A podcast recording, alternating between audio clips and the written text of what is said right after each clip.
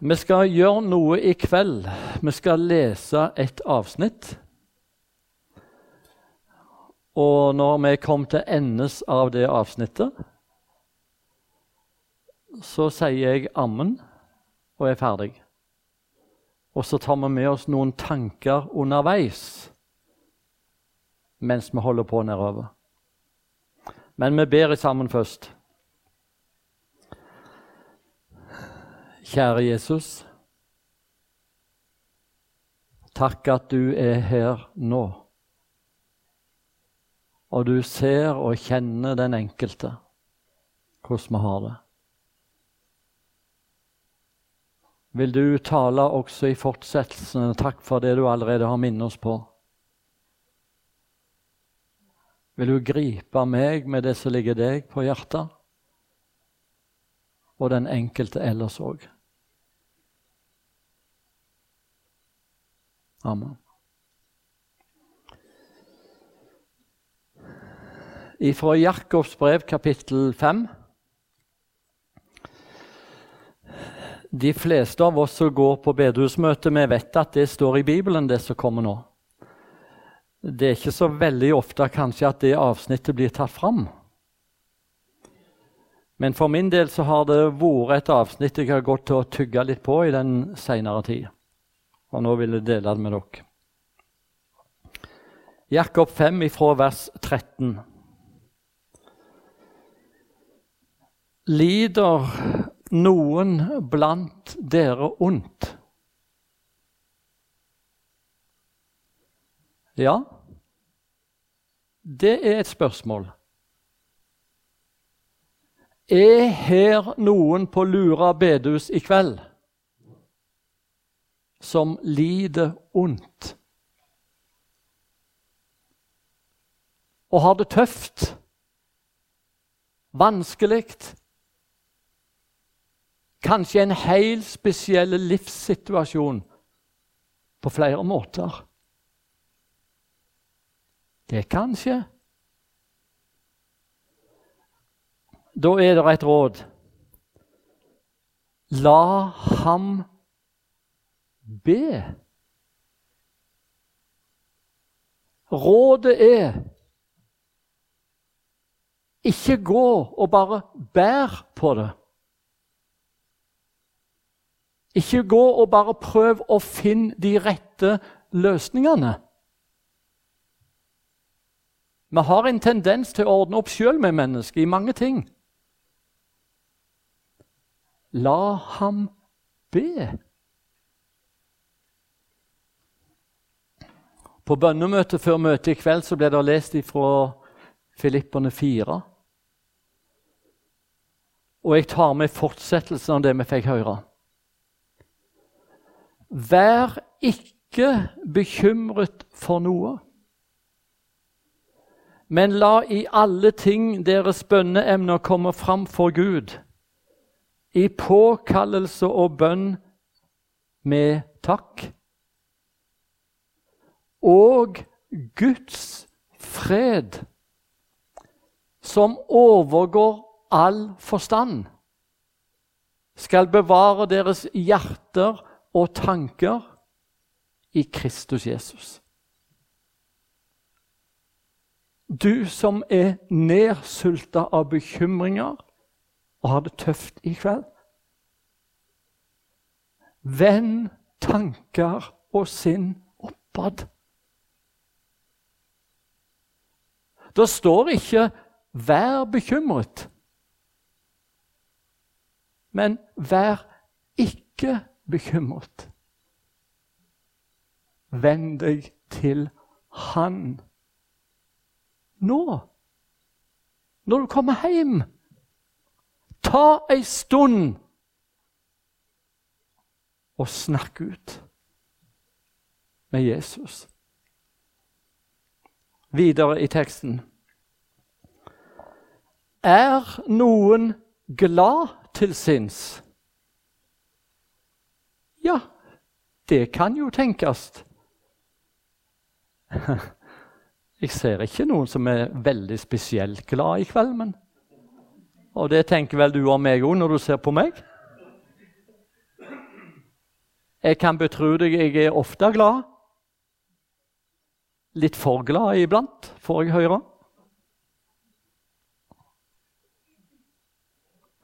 Men er noen her i kveld glad? Du har noe å være glad for. Rådet er La ham lovsynge. La det tyte fram til hans pris og ære.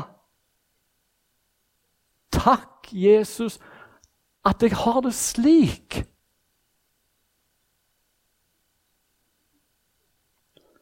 Videre. Er noen blant dere syk? Det kan òg godt være tilfellet. Og særlig når en kommer opp i en viss alder, så kommer det forskjellige skavanker. Både fysisk og psykisk. Og vi treffer mange mennesker på vår vei også når vi er rundt og har møte, som har hyppige legebesøk og sykehusopphold. Også i yngre alder. Og er du her i kveld som er sjuk, kanskje har fått en diagnose Der er et råd i teksten. Hør. Er noen blant dere syk?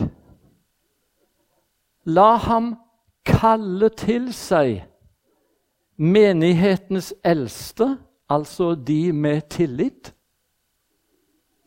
Og de skal be for ham og salve ham med olje i Herrens navn. Hvis du er syk Du må gjerne sitte alene for deg sjøl hjemme, kneppe hendene om du vil snakke med Jesus og legge sykdommen framfor han. Den som ber, han får. Du må gjerne ta Gud på ordet når han sier at det to av dere blir enige å be om, skal gis.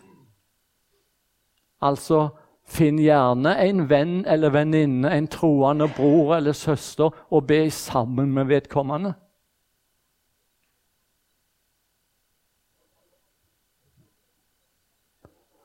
Og kjenner du til noen som måtte ha den nådegaven som Bibelen kaller helbredelsens nådegave?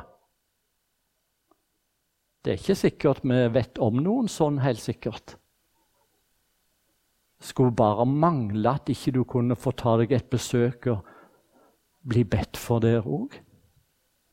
Har vedkommende fått den gaven, må jo brukes. Men i kveld er det et enkelt råd. Er noen blant dere syk? Han kan få kalle til seg den eller de med tillit i forsamling eller menighet. Og bli salva og bedt for. For min del begynte jeg å reise med sangevangelisten fra Sauda, Arne Åno, når jeg var 19 år. Det er noen år siden nå. Og Allerede da opplevde jeg å få være med rundt i heimer og etterpå møter spesielt. Og salve med olje på panna. Og legge hendene på syke samtidig og be for dem helt konkret på den måten. Seinere har jeg hatt alltid med meg ei sånn oljeflaske. Jeg har den med her òg. Og jeg synes Når vi skal ha en nesten to ukers møteserie, så er det ting som høres med at dere får greie på. i tilfelle.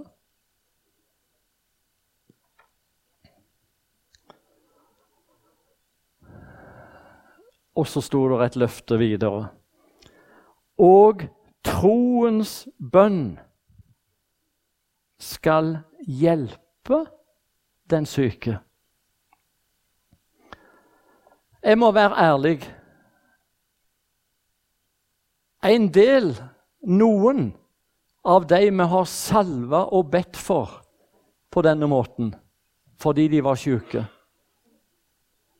de ble, så langt vi har fått rapport, friske. Enten med en gang eller etter hvert. Men igjen ærlig de fleste Jeg må føye til de aller fleste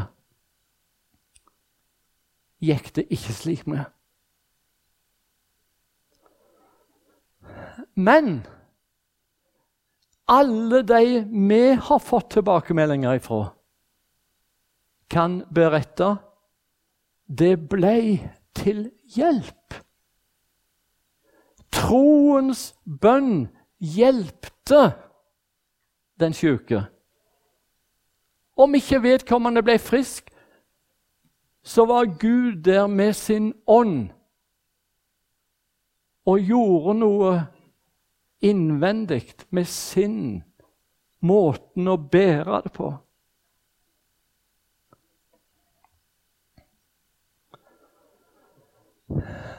Det er ikke så ofte kanskje vi hører om at folk blir fullstendig helbredet, men jeg hører om det ennå. I Hebreerne 13,8 står det at Jesus Kristus er i går og i dag den samme, ja, inntil evig tid. Og da tenker jeg på den kvinnen nede på Sørlandet. Jeg bor på Sørlandet sjøl.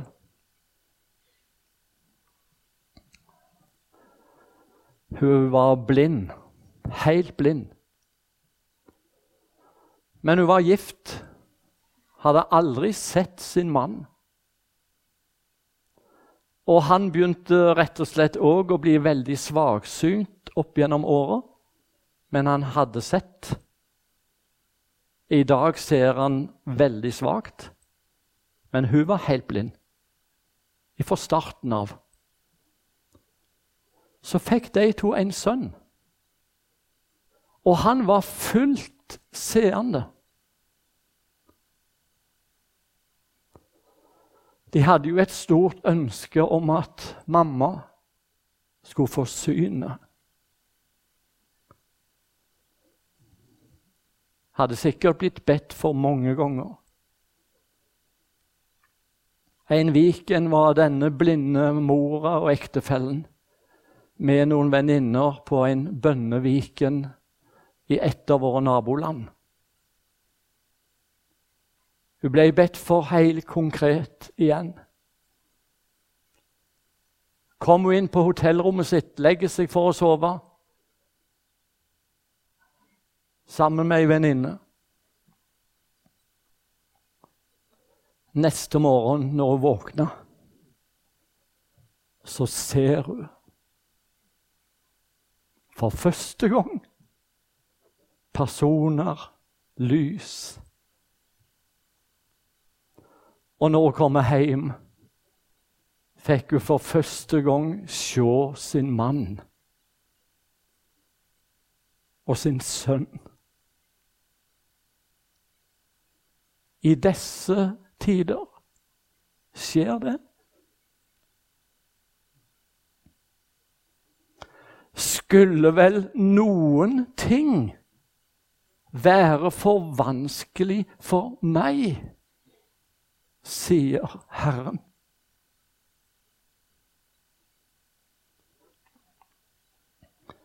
Videre i teksten.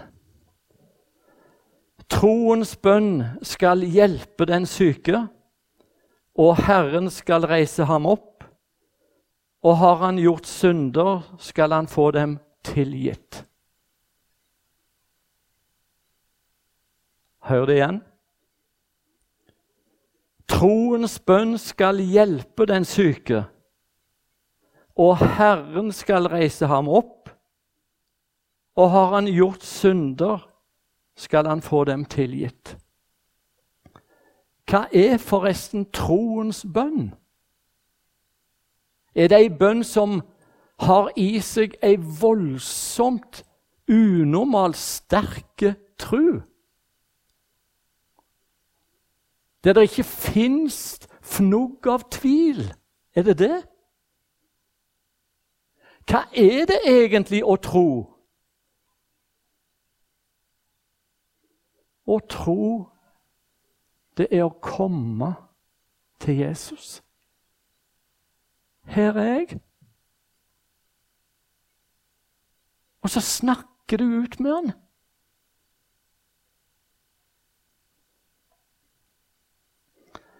Og så kommer det noe som er litt vanskelig å ta opp. Men vi kan ikke hoppe bukk over det for det. Det står Bekjenn derfor deres synder for hverandre, og be for hverandre, for at dere kan bli helbredet. Altså, i sånn ei forbønnsstund kan det høre med å bekjenne synder. Enten for hverandre, de som salver og ber for deg. Det kan òg bety, hvis det var et eller annet menneske som du ligger i krig med ellers Bekjenn for hverandre. Men betyr det da, har jeg tenkt, at jeg må sette meg til i en sånn en forbønnsstund, og så må jeg tenke veldig nøye og konkret gjennom mitt eget liv. Har jeg noe nå som jeg må opp i lyset med å bekjenne? Og tenke og gruble og leite? For alt av synd må jo nå fram! For sikkerhets skyld. Betyr det det? Åh, jeg er så glad. At alt av synd er båren bort. Er tatt bort fra Guds åsyn. Jesus Kristus, Guds sønn, bar våre synder på sitt legeme. Opp på treet. Han tok alt av synd. Og han tok straffa for alt av synd. Oppgjøret for synd, det er i havn. Trenger ikke sones mer. Ja, Men hva betyr det da å bekjenne dere synder for hverandre? Det kan hende under vandringen vår. Enten noe som skjedde for ei tid tilbake, eller noe som skjedde for kort tid siden, og som en merker en har en tendens til å lefle med og dvele med og leve i fortsatt. Men det er imot Guds vilje, det vet en. Og så ligger det der, og så legger det en demper over hele kristenlivet. Og du finner ikke fred og ro. Du prøver å skyve det vekk, men så står det der hele veien framfor deg.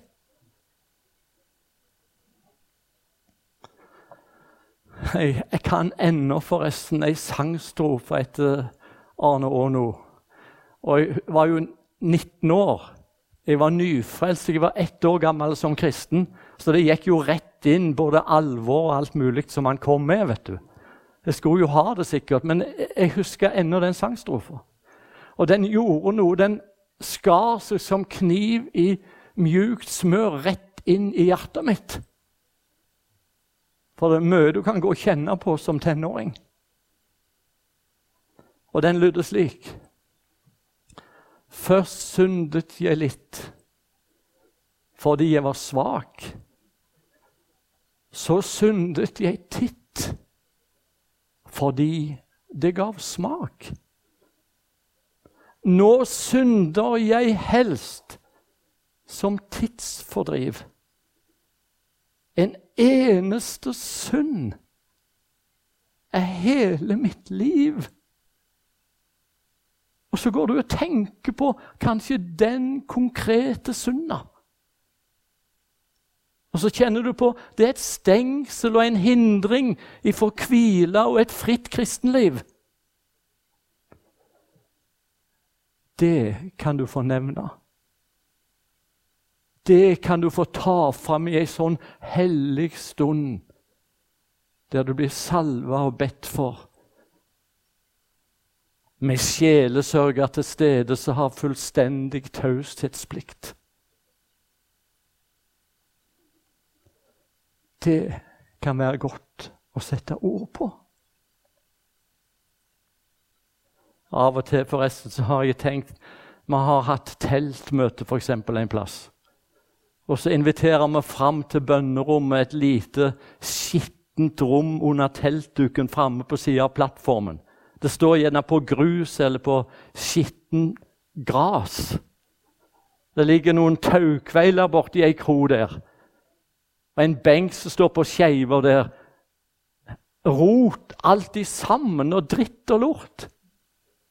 Og så har jeg tenkt på når vi sitter der og prater og ber, og gjerne noen blir salva og bedt for Her er vi likevel på et hellig sted, midt i rotet. For her er Jesus. Her er han og lytter og vil gripe inn med akkurat det vi trenger.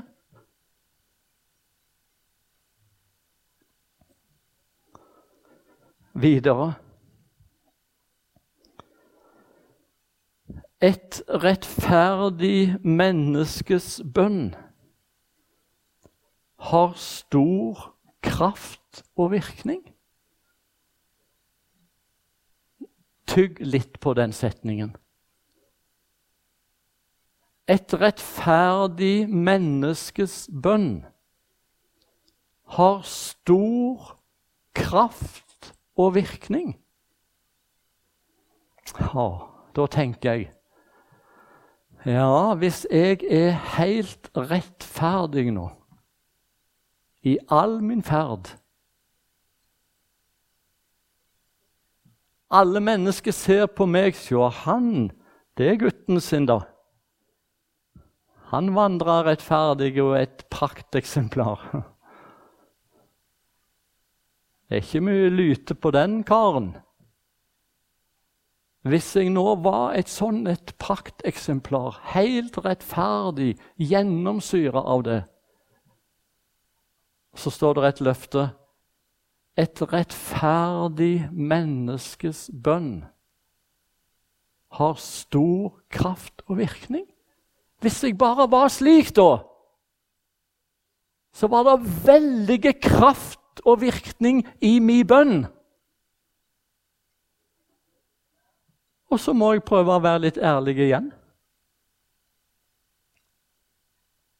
Det er jo nettopp sånn rettferdig jeg ikke er.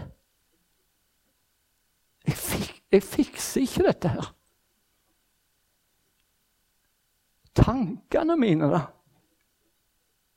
Og ord som kommer på skeiva. Og ting en gjør midt i en god hverdag ellers og trang og tendenser som en kjenner på.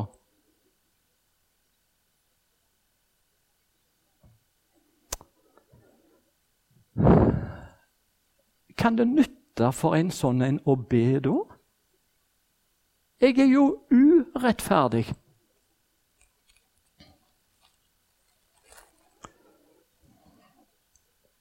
Hvis det er noen person som visste om at slik er jeg, og slik, slik er du òg. Så var det Jesus. Det var Gud.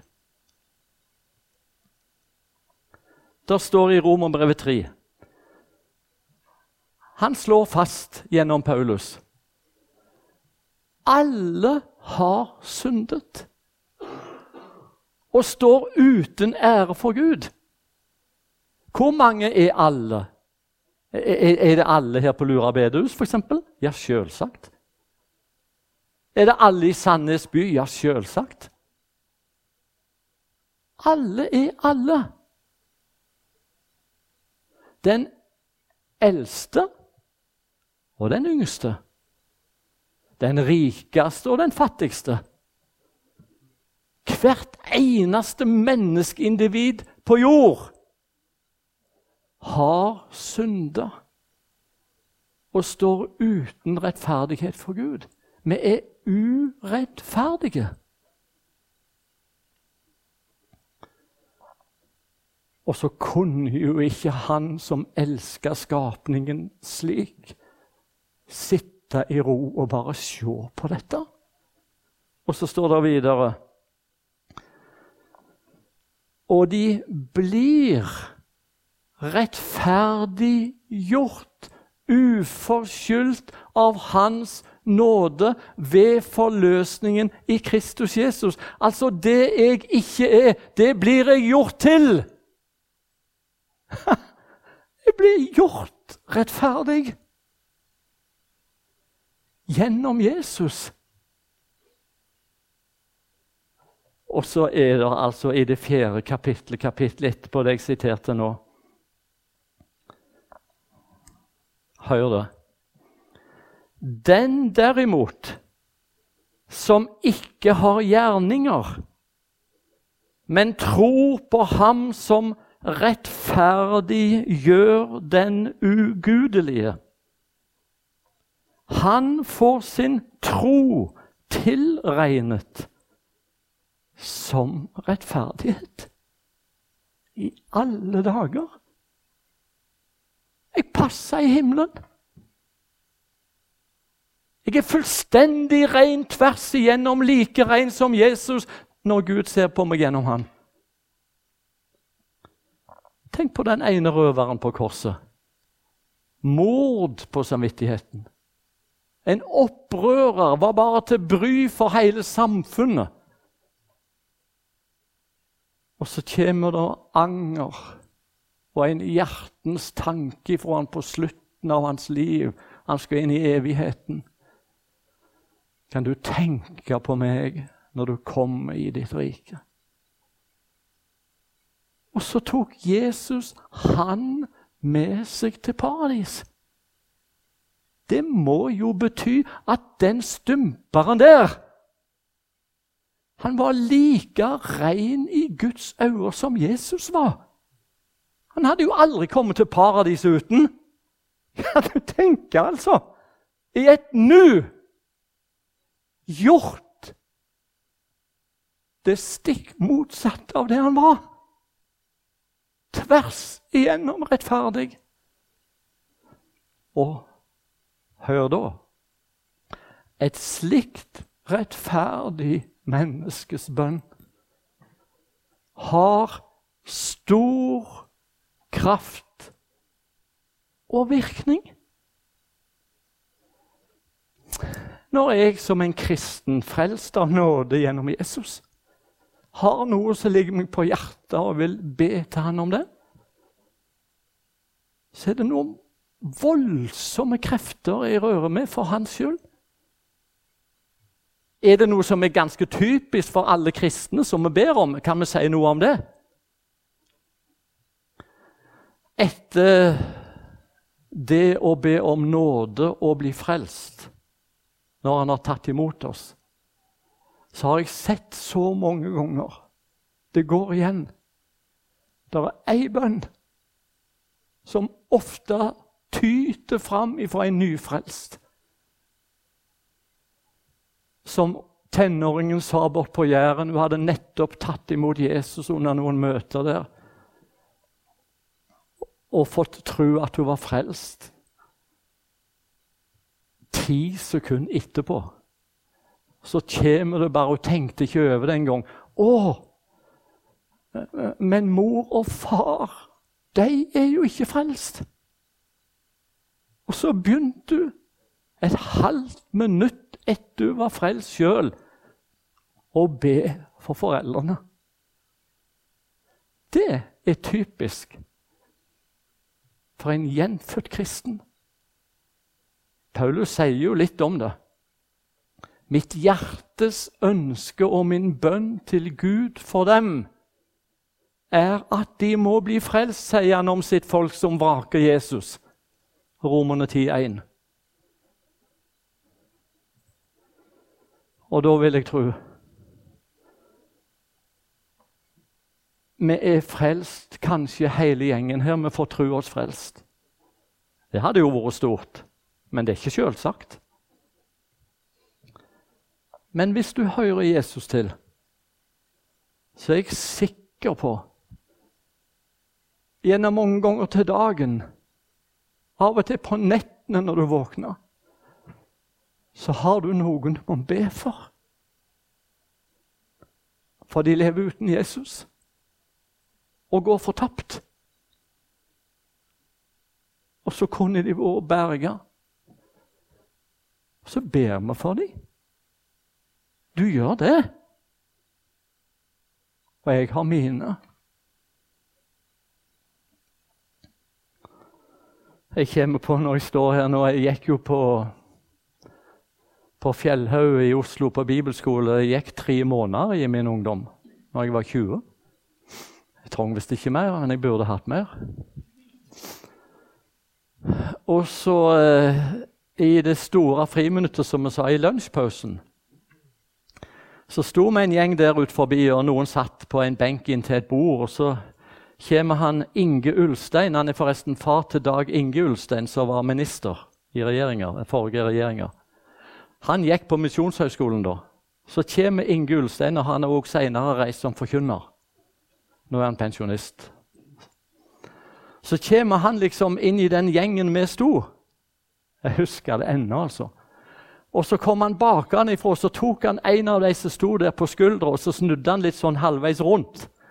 Og så sier Inge til han, 'Du,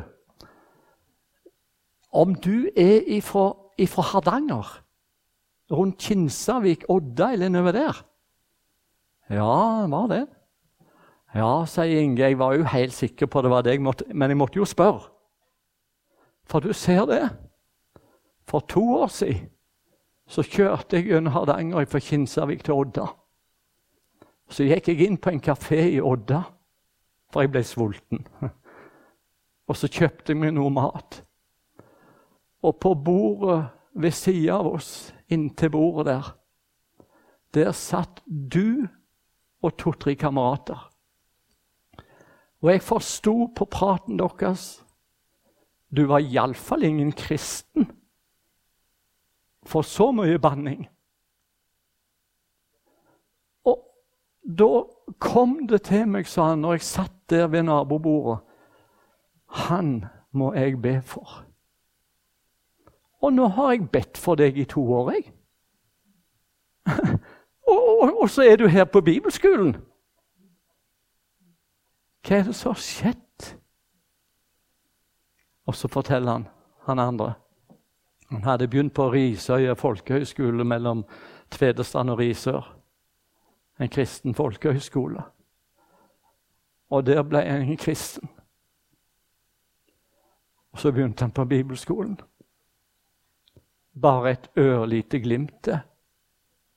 Et rettferdig menneskes bønn har stor kraft og virkning.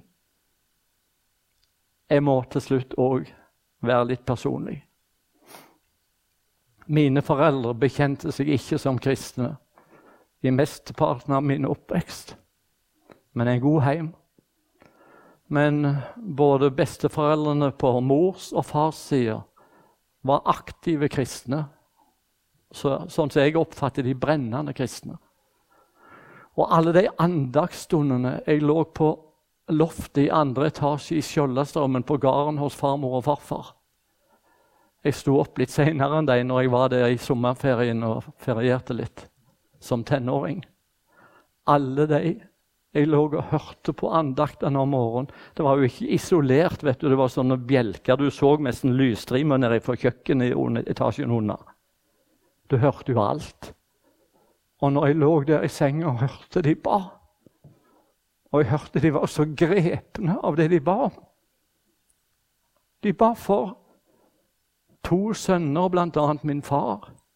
To døtre, mine to tanter. Og deres ektefeller og så barnebarna. Jeg var en av dem. At de måtte bli frelst. Og Jeg kan huske jeg midt på lyse dagen jeg for og sprang på gården, så, så, hørte jeg den kraftige stemmen til farfar, for han hadde kraftige stemmer. Jeg gikk forbi fjøset. Fjosen heter det igjen her. Og Så hørte jeg han prate inn i, inn i fjøset, så jeg stilte meg bort og kikket inn. Der ligger den der kraftige, staute mannen. Han var bonde og dykker. Så lå han borte i ei kro der med den ene mjølbingen. Og tårene rant. Og så snakka han med Jesus. At familien måtte bli frelst. Mine foreldre overgav seg til Gud i begravelsen til min farmor. Da kunne jeg ikke stå imot lenger. Jeg har vitna om dette opptil en del ganger, men det tar meg litt. Halvannet år etterpå så har både meg og begge søstrene mine blitt frelst. Mange ganger har jeg tenkt Hva er det som har skjedd? Ingen prektige mennesker, ingen spesielle typer med mer gudfryktighet enn andre. Men et rettferdig menneskes bønn har stor kraft og virkning. Og helt til slutt det sto noe om profeten Elias etterpå. Han som ba at det måtte slutte å regne, og så slutta det med en gang. Og Noen år seinere ba han om at nå må regnet komme, og så kom det med en gang.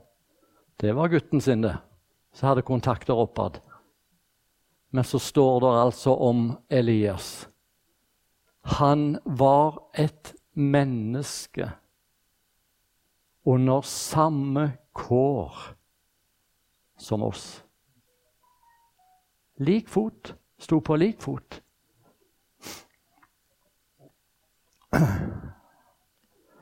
Jeg vet ikke om du er her i kveld. Vi har jo møtene for å hjelpe hverandre. Både til å nå hjem sjøl og om vi kunne være med å hjelpe, kanskje i bønnetjenesten òg, og be med for hverandre. Og jeg må bare spørre Sitter du og tenker på noen nå? I familie, blant venner eller naboer eller hvem som helst. Som vi skulle ha bedt for. Kanskje først og fremst de må bli frelst, men det er andre ting òg som ligger på. Vil du enten si det eller rekke opp hånda di, så vet Jesus hva det gjelder? Så skal vi ta det med nå, hvis det er noen. Ja. Og det var veldig mange. Gud velsigne dere. Ja. Og så har jeg noen sjøl. Det har jeg. Og så, før vi ber nå Er du kommet med oss i kveld? Som kanskje en gang levde rett og godt sammen med Jesus. Og så har det skjedd noe, så du, du er kommet på avstand eller kommet vekk. Og så kjenner du ennå at du har den der trangen. Å, om jeg hadde den freden med Gud som jeg en gang hadde. Så lengter du, og så vet du at noen ber for deg. Tror du kanskje denne kvelden var din kveld? kunne det tenkes at i kveld er det din tur. Da må du slå til, altså. om Jesus har pirka borti deg noe i kveld, ja, da må du slå til. For det er ikke selvsagt at du merker det. Og hvis du er her Du må få bekjenne dette, at du vil høre Han til. Kan du rekke opp de hånda? Er du så frimodig? Rekk opp hånda di, du som ville ta imot Jesus og bli en kristen, komme på nytt i kveld. Og så skal du få med deg et ord fra Bibelen hjem før du går. Så skal vi be for deg. Er du her? Bare vær frimodig og heis flagg. Kjære Jesus. Tusen takk at vi får komme til deg med alt og med alle. Og takk at du møtte meg òg. Kjære Jesus. Takk at det er godt å være sammen med deg. Takk for all synd har du tatt på deg. Og så vet du om de jeg ber for. Du vet hvem de er. Du så alle hendene som ble rakt opp, og du vet hvem de tenker på, de som hadde de hendene. I familie, naboer og venner eller noen andre. Vil du kalle på disse bønnebarna våre? Ikke gi noen av dem opp før de har gitt deg rett, Jesus. Og vil du stelle med oss som ber, at vi lever i den rette balansen mellom å ha nød for dem og hvile på løftene. I ditt navn. Amen.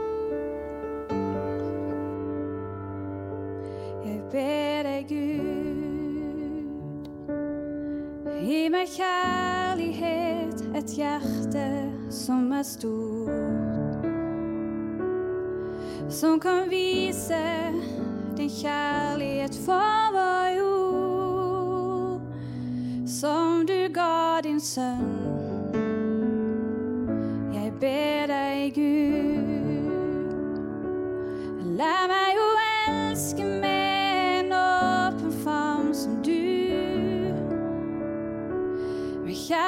kjærlighet som gjør at alle grenser slettes ut.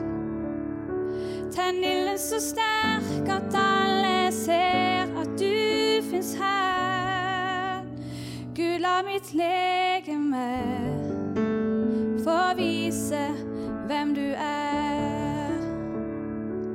Og som du elsker, elsker alle ifra fattig og til rik. Du formet og skapte oss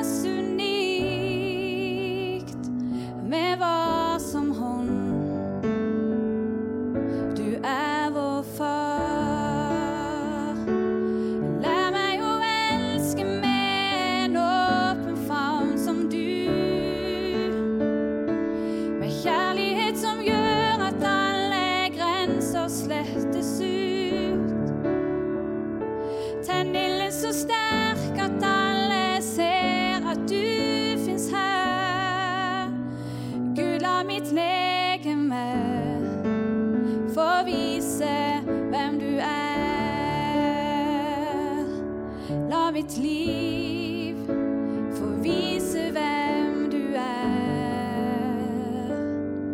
At din kjærlighet aldri kan ta slutt.